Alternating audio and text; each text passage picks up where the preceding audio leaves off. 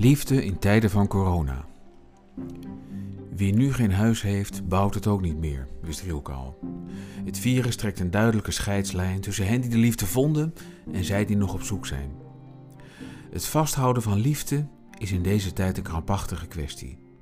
Wie uit elkaar gaat, gesteld dat men al samenwoonde, al dan niet met kinderen en of huisdieren die ook nergens om hebben gevraagd, moet verhuizen.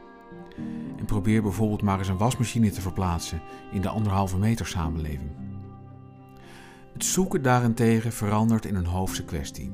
Men verneemt van elkaars bestaan, schrijft elkaar, stuurt beeld en geluid over en weer en dan, als we over wie weet hoe lang weer onze holen uitkruipen en op elkaar afrennen, is het maar hopen dat de ander niet al te vreemd aanvoelt of ruikt.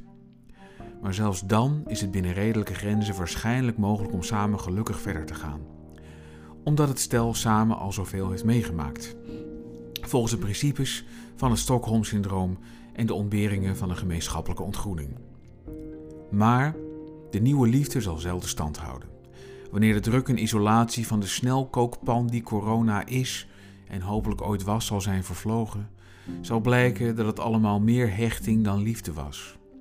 En deze hechtingen zullen oplossen in nieuw, vers vlees dat voor een behoorlijk deel zal bestaan uit relaties die met de hakken over de sloot het einde van dit tijdperk hebben gehaald, maar nu opgelucht exploderen in orgastische golven van vrije liefde. Partners die het virus samen zijn doorgekomen, zullen gewoon doorgaan met leven zoals ze tijdens corona deden. Als Japanse soldaten die nog tot in de jaren 70 doorvochten in de jungle en met scherp schoten op iedereen die probeerde ze te komen vertellen dat de Tweede Wereldoorlog voorbij was.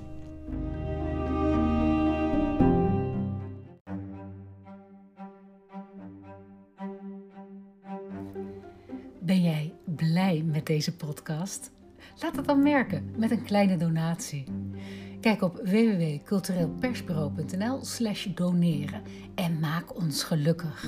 Dus www.cultureelpersbureau.nl schuine streep doneren.